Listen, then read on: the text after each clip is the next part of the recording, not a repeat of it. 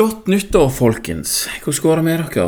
Med meg går det fint, og siden det nå er nyttår, så tenkte jeg å si litt om nyttårsforsett. Det passer jo bra det nå, gjør det ikke det? Det er forskjellige oppfatninger om nyttårsforsett. Mange bruker det for alt det er verdt, og noen velger å ikke bruke det. Noen mener det ikke er noe poeng å vente til det nye året før liksom, en ambisjon du har skal settes ut i livet. Det kan like så godt skje med en gang. Hvorfor skal du vente til over nyttår? Mens for andre så er dette eneste muligheten. Sant? For du vil ha dette her driven, og alle andre òg har nyttårsforsett, sånn at det blir en gjeng liksom som går for dette her. Eh, og det har gjerne vært fokus siden sommerferien. Jeg skjønner de alle sammen. Det er det er gode måter å se det på. Tendensene til å gjøre så mye skade på seg sjøl i løpet av jula, den er absolutt til stede for de som ønsker å sette seg i nyttårsforsett. Alkohol, mat, forfall, kredittkortbruk. Alt sammen er godtatt, og til og med de som taper sin egen helse til et lavere nivå enn det som er fornuftig, unnes det av familie og venner. Den kosen der, med beskjed om ikke å tenke på hva det koster. Det er jo jul! Jeg vet ikke hvor mange ganger jeg hørte de ordene de siste ukene, men det er ikke få. Dette her, jula, det er jo den siste muligheten før den selvpålagte smerten begynner og det gode liv skal iverksettes. Sant? Og følelsen er at det gode liv oppnås på bekostning av alt som er kos og godt og behagelig. Men hvor lenge kan det vare, og er det særlig bærekraftig? La oss si at eh, du har satt deg et nyttårsforsett. Det kan være hva som helst. Trene mer, spise mindre, spare mer, bruke mer tid til noe som gir mening osv det er jo et løfte om å endre uønska atferd.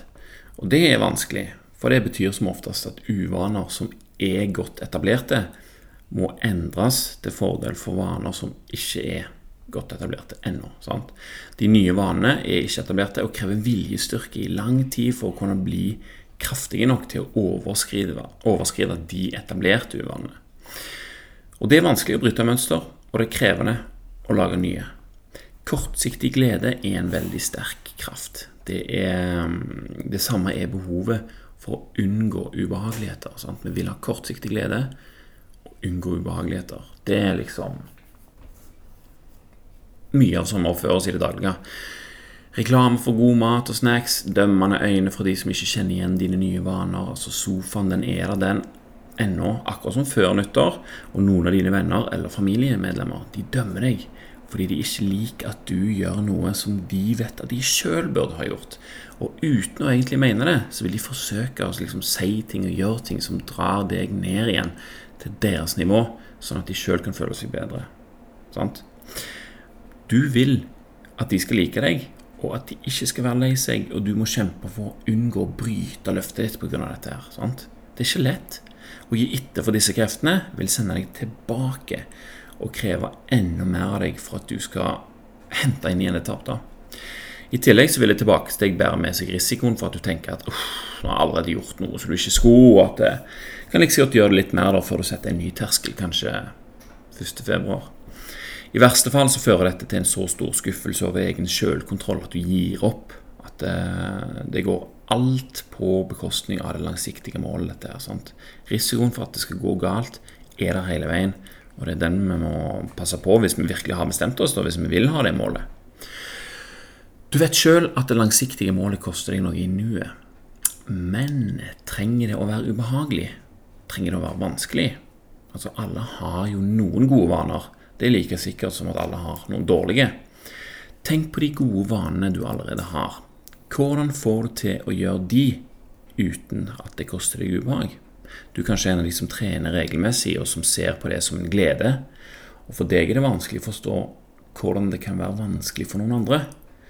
Det gir jo en så god følelse for deg, og det er lett for deg å forklare til noen som har bruk for din vane, hvorfor det er lurt og at det ikke er vanskelig. Sant? Du har en vel etablert vane som ikke lenger krever den samme selvkontrollen. Du vet hva du taper i det lange løp om du lar være, og det er ikke noe alternativ. Kan du bruke tankene om dine eksisterende gode vaner til å etablere nye? Kan du bruke den samme følelsen av glede som du har for dine gode vaner, til å smitte over på det nye, da? Hm? Du er verken lat eller udugelig om du ikke får til å endre vaner bare ved å knipse. Sant? Godt nyttår, nye vaner. Nevrovitenskapen forteller oss at vi trenger en annen måte å tenke på som ikke gjør det så krevende å ta et annet valg enn det du er vant med hver eneste gang. Sant? Vi trenger en bedre måte å forstå hvorfor vi gjør som vi gjør. Og Jeg leser et flott sitat fra Michel de Montagne som hjalp meg å, forstå dette. her. Det er jo selvfølgelig Alle gode sitat er jo en sånn selvfølgelighet. sant? Og det er jo det vi kan bruke hele veien når vi skal ta valg. Det er derfor det er så glimrende. Så jeg brukte det for å gjøre det lettere for meg å forstå hvorfor jeg ville gjøre noe som var ubehagelig eller krevende, istedenfor å la være og bare resignere til mine gamle mønster. Så hør på dette her, da. Ehm, jeg tenker at gleder bør unngås om konsekvensene av de leder til større smerte. Og smerte bør ettertraktes om de oppløses i langvarige, større gleder. Fatter du? Hvorfor skal vi gjøre noe som fører til at vi får det verre i framtida? Og hvorfor skal vi ligge på sofaen framfor å trene når vi vet at det vil gjøre det enda vanskeligere å nå det langsiktige målet vårt? Hvorfor skal vi la være å spare penger til fordel for ubrukelige ting i nuet, når vi mest sannsynlig kommer til å trenge penger til noe viktig en gang i framtida? Er det så interessant det som er på TV, at vi heller vil la oss underholde og påvirke av andres ønsker enn å gjøre noe som gir oss sjøl en verdi, som vi kan bruke på oss sjøl og de vi er glad i, seinere. Hver gang vi gjør det, så blir det enda vanskeligere å nå målet vårt. Vi taper, og et tap er vanskelig å hente inn. Sant vel? Men hvis vi vet at, at litt smerte nå kan gi en stor eh, gevinst seinere, så er det jo ok, da bør vi jo ettertrakte denne her lille smerten. Og motsatt, en liten glede nå kommer til å koste oss større seinere. Hvorfor ikke prøve å unngå det? Og Hvis du setter sammen dette her med det som en annen smart mann sa, Warren Buffett Han snakker om eh, investering nå, selvfølgelig, eh, men vi kan bruke det til hva vi vil.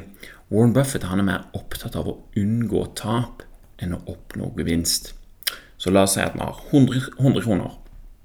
Taper 50 av de, da har vi 50 kroner igjen.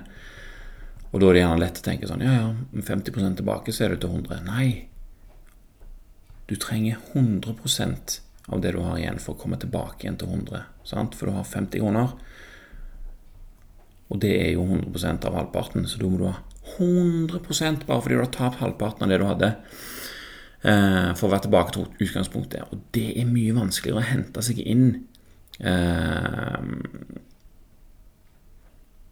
enn det å tape. Det er vanskeligere å hente ned et tap enn det å faktisk ta et tap. Samtidig. Hvis du unngår å tape de 50% så vil vi kunne fortsette å bygge på det vi allerede har oppnådd. Sant? Vi kan da bruke alle de 100 kronene til å få potten til å vokse, og havne fort langt foran alle de som tillater seg til å tape. Så Se for deg at vi har 100 kroner, og så vinner vi 75 da sitter vi med 175 kroner. Mens de som tapte 50% først fra den hundrelappen, og så har vunnet 75% igjen, de ligger på 87 kroner og 50 øre. De er ikke tilbake til utgangspunktet engang. Og Hvis det samme skjer igjen, vi vinner 40% og de andre taper 20% før de går opp 40% så vil forskjellen vokse enda mer. Vi ligger plutselig på 245 kroner, mens de som har tapt to ganger, fremdeles ikke er tilbake på utgangspunktet. De har bare 98 kroner. Hver gang du taper, så må innsatsen opp enda mer for at du skal komme deg tilbake til der du begynte. Sant vel? Men vi ønsker vel å bare stige og stige og stige, og da er det nyttig å vite hvordan du skal begrense tapene dine. Sant? Det går ikke an å la være å tape hele veien, men du må begrense det. Så du kan jo se for deg hvordan dette utvikler seg over tid, etter hvert som du har hatt eh, eh, Hver gang vi taper for våre gamle vaner, så går vi glipp av renters renter-effekten på en måte. Og Vi kan bruke denne tankegangen her kombinert med Montagnes sitat til nesten alt vi ønsker å oppnå. Altså Klassikeren er jo 'trene og spise sunt', sånn, så vi kan bruke det som eksempel. Du har trent bra. Hvis det er et mål, blir bedre trent. Du spiser noe som komplementerer treningen og øker effekten av treningen, og gjør det lettere for kroppen å restituere seg. Fint. Det er jo alltid i samsvar med hverandre. Du gjør det igjen og igjen og igjen fordi du skjønner at det er dette du må gjøre for å oppnå det du ønsker over tid. Og Hver gang du gjør det, vil tankene dine om hva du gjør, forsterke denne vanen, og det blir lettere og lettere å utføre, og resultatene viser seg sakte, men sikkert. Du er i ferd med å bli glad i vanen din. sant? Du er i ferd med å snu dette og vil egentlig ikke gjøre noe som utsetter den for fare. For du vet at ved å ta f.eks. en skikkelig heisa helg med tur på byen og påfølgende dager med svekka system 2 øker sjansen for å droppe treningen og spise mat som gjør det vanskelig for kroppen å fungere optimalt. Ikke bare vil du miste framgangen, men det krever òg mer viljestyrke og flere treningsøkter for å hente deg inn igjen til der du var. Du forsterker dine gamle vaner igjen og må ta kamper du allerede har vunnet, på nytt igjen. Sant?